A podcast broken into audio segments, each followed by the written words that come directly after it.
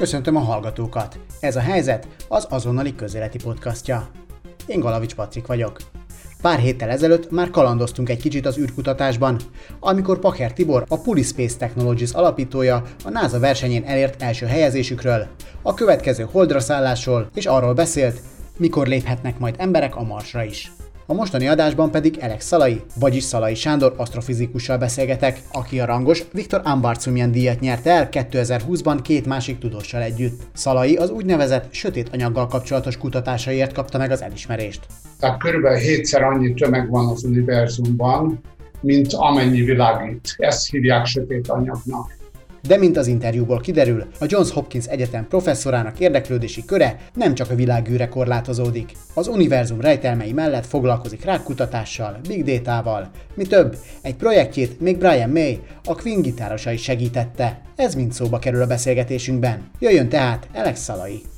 Mi az a sötét anyag? Szerintem ez egy laikusnak már eleve egy komoly kérdés, hogy mi, mi, ez a, mi ez a sötét anyag, és miért fontos, hogy tudjunk róla minél többet? Hát a, amikor egyre pontosabb térképeket készítettünk az univerzumról, és a galaxisok eloszlásáról, meg a galaxisok szerkezetéről is, a galaxisok mozgását alapvetően a gravitáció befolyásolja. Tehát az, hogy milyen gyorsan mozognak a galaxisok, az amiatt látható jó, hogy a gravitáció miatt két galaxis, ami közel van egymáshoz, vonzza egymást. És hogyha nagyobb a tömege a galaxisoknak, akkor gyorsabban esnek be egymás felé. Tehát valahogyan a galaxisok mozgásából ki lehet következtetni, hogy mennyi tömeg van az univerzum egy adott tartományában. És ha ezt összehasonlítottuk a látható anyag mennyiségével, tehát hogy mennyire világítanak a galaxisok, kiderült, hogy egy óriási különbség van. Egy körülbelül hetes faktor, tehát körülbelül hétszer annyi tömeg van az univerzumban,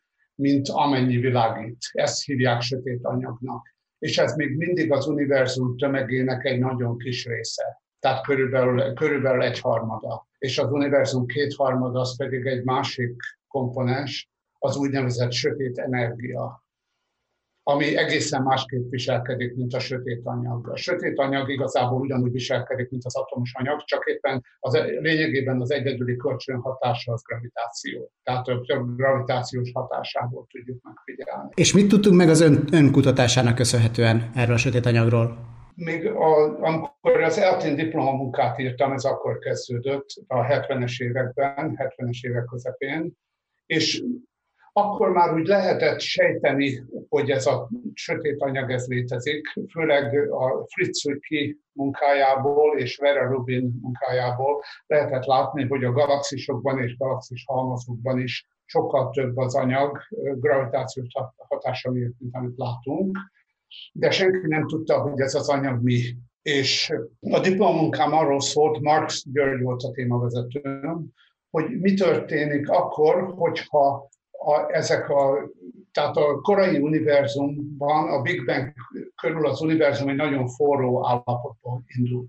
És akkor tele volt egy ilyen forró levessel az univerzum, ahol a különböző elemi részecskék borzasztó erősen ö, ütköztek, főleg amiatt is, hogy ezek a részecskék, tehát a sűrűség nagyon nagy volt. És ahogy az univerzum tágult a robbanásból kifolyólag, ez az egész plazma, ez elkezdett kihűlni és akkor bizonyos részecskék visszamaradtak. És fölmerült az a gondolat, hogy mi lenne akkor, hogyha valamilyen elemi részecske, ami ebből az időből visszamaradt, ez okozza a sötét anyag, ez a sötét anyag. És Marx Gyurka a neutrinofizikával foglalkozott, és akkor mindenki szilárdan meg volt győződő arról, hogy a neutrinoknak nulla a tömege, tehát nincsen tömege, ugyanúgy viselkednek, mint a fotonok, mint a fényt közvetítő részecskék, de igazából amíg a fotonok nulla tömegét, ezt különböző szimetriákból le lehet vezetni, tehát ez egy direkt következmény. A neutrinokra semmi ilyen szimetria nem volt, és nyugodtan el lehetett képzelni, hogy a neutrinoknak van egy pici, majdnem, hogy megfigyelhetetlen tömege és az volt a diplomunkám, hogy számoljam ki, hogy mi a, sűrű, a neutrinok sűrűsége az univerzumban, és mi történne, hogyha ezeknek adnánk egy egészen kicsi, majdnem megfigyelhetetlen tömeget.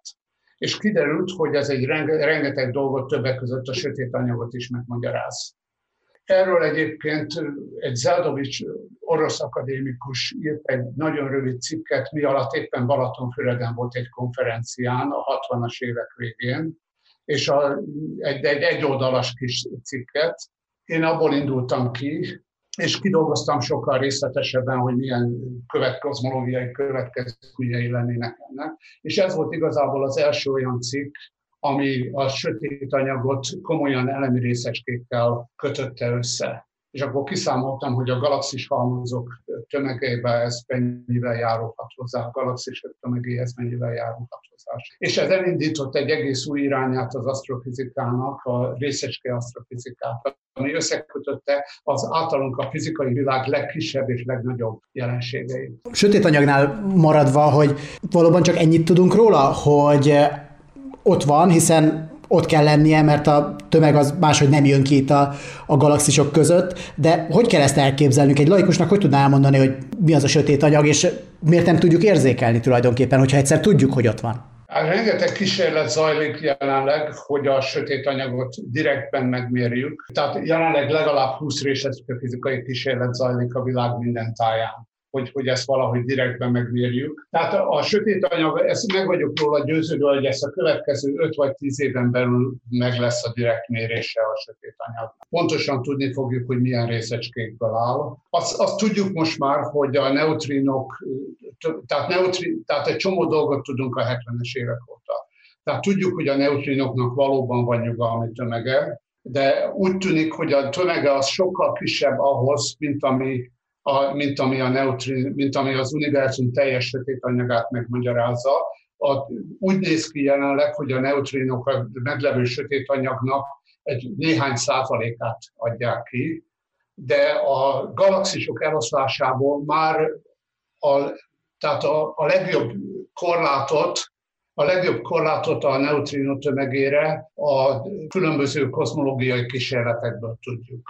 Úgyhogy az várható, hogy egy sokkal, neutrinonál sokkal-sokkal nehezebb, de sokkal ritkábban előforduló részecske az, ami a sötét anyagot adja. Ezt angolul úgy mondják, hogy cold dark matter. A neutrinókat úgy hívjuk, hogy hot dark matter, forró sötét anyag, mert lényegében majdnem ugyanolyan gyorsan mozogtak mint a, mint a fotonok. A Cold Dark Matter, ami jelenleg a legjobb, legjobb jelölt erre, a Cold Dark Matter az nagyon hideg, mert olyan nehéz részecskékből áll, hogy azok lényegében ülnek az univerzumban. Tehát a jelenlegi, a legjobb korlátokat úgy kapjuk jelenleg, hogy komputeres szimulációkat csinálunk a galaxisok struktúrájára, és, és a Cold Dark Matter Theory, tehát a hideg, sötét anyag egészen meglepően jól leírja az univerzum szerkezetének a legtöbb tulajdonságát.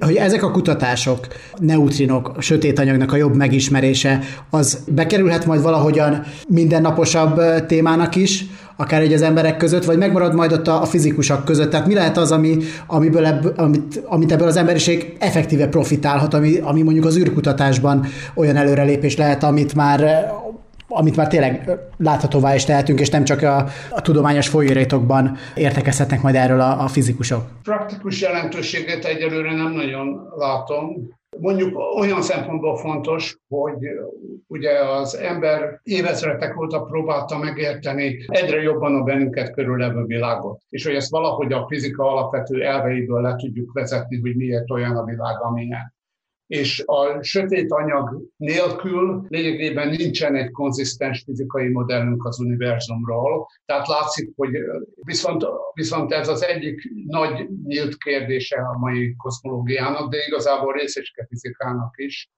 hogy, hogy pontosan a, a sok ezer részecske közül, amit, amit lehet, sok száz vagy ezer részecske közül, melyik az pontosan, amelyik a sötét anyagot alkotja és, és ezt mind a mai napig nem tudjuk.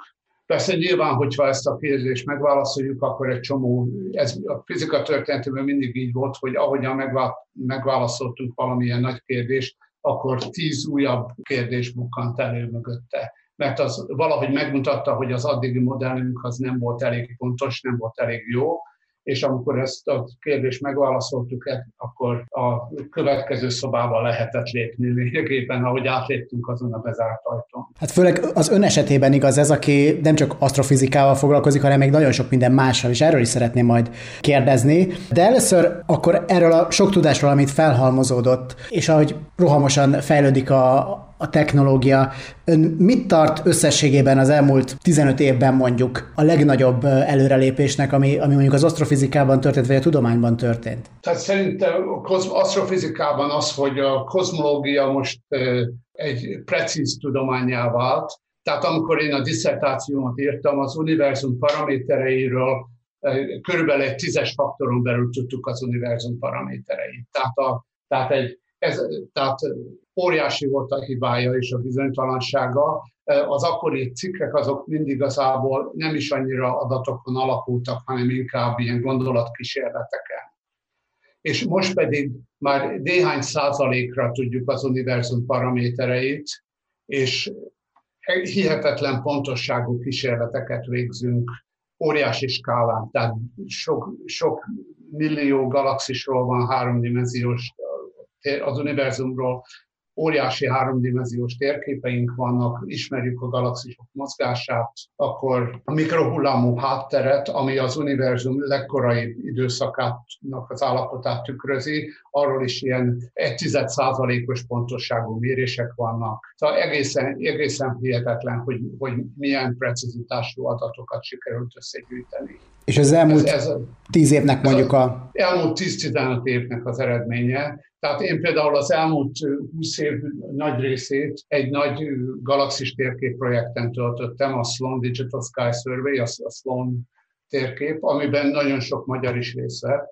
Ez volt az első olyan kísérlet, ezt 91-ben kezdtük el tervezni, 92-ben, és 2008-ra fejeződött be az alapkísérlete. Egy külön távcsövet építettünk, egy dedikált távcsövet, ami New Mexico-ban van, és körülbelül 500 millió galaxisnak vettük fel a képét az egész északi égboltról, és körülbelül ugyanúgy egy 500 millió csillagról készítettünk képeket, és ebből összeállítottunk egy háromdimenziós térképet, ami eddig körülbelül 10 ezer tudományos cikket jelentett, és, és egy csomó egészen alapvető felfedezést tett a, a, ez, a, ez a survey. Hogy ez volt igazából a Big Data Astronomy-nak a kezdete, és ez alapvetően befolyásolta az egész további életemet és érdeklődésemet, mert az én csoportom vállalta el, hogy ennek elkészíti az adatbázisát és az egész adatanalízis rendszerét, és akkor ebben is Csabai Pisti, aki az eltén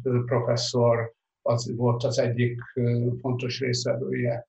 És, és akkor elindultam, tehát elkezdett azt izgatni, hogy látszott, hogy ez az egész csillagászatot mennyire forradalmasította, hogy ilyen nagy, egy, egy homogén nagy adathalmazt, ami statisztikailag korrekt, össze tudtunk gyűjteni, és ezt mindenki számára elérhetővé tettük, hogy nem lehetne ezt más tudományokban megismételni. És akkor elkezdtem dolgozni biológusokkal, a genomics, tehát molekuláris biológiában mostanában elég sok időt töltök azzal, hogy a rák immunoterápiás, egy rák immunoterápiás intézettel kollaborálok, és megpróbáljuk ugyanezt megismételni.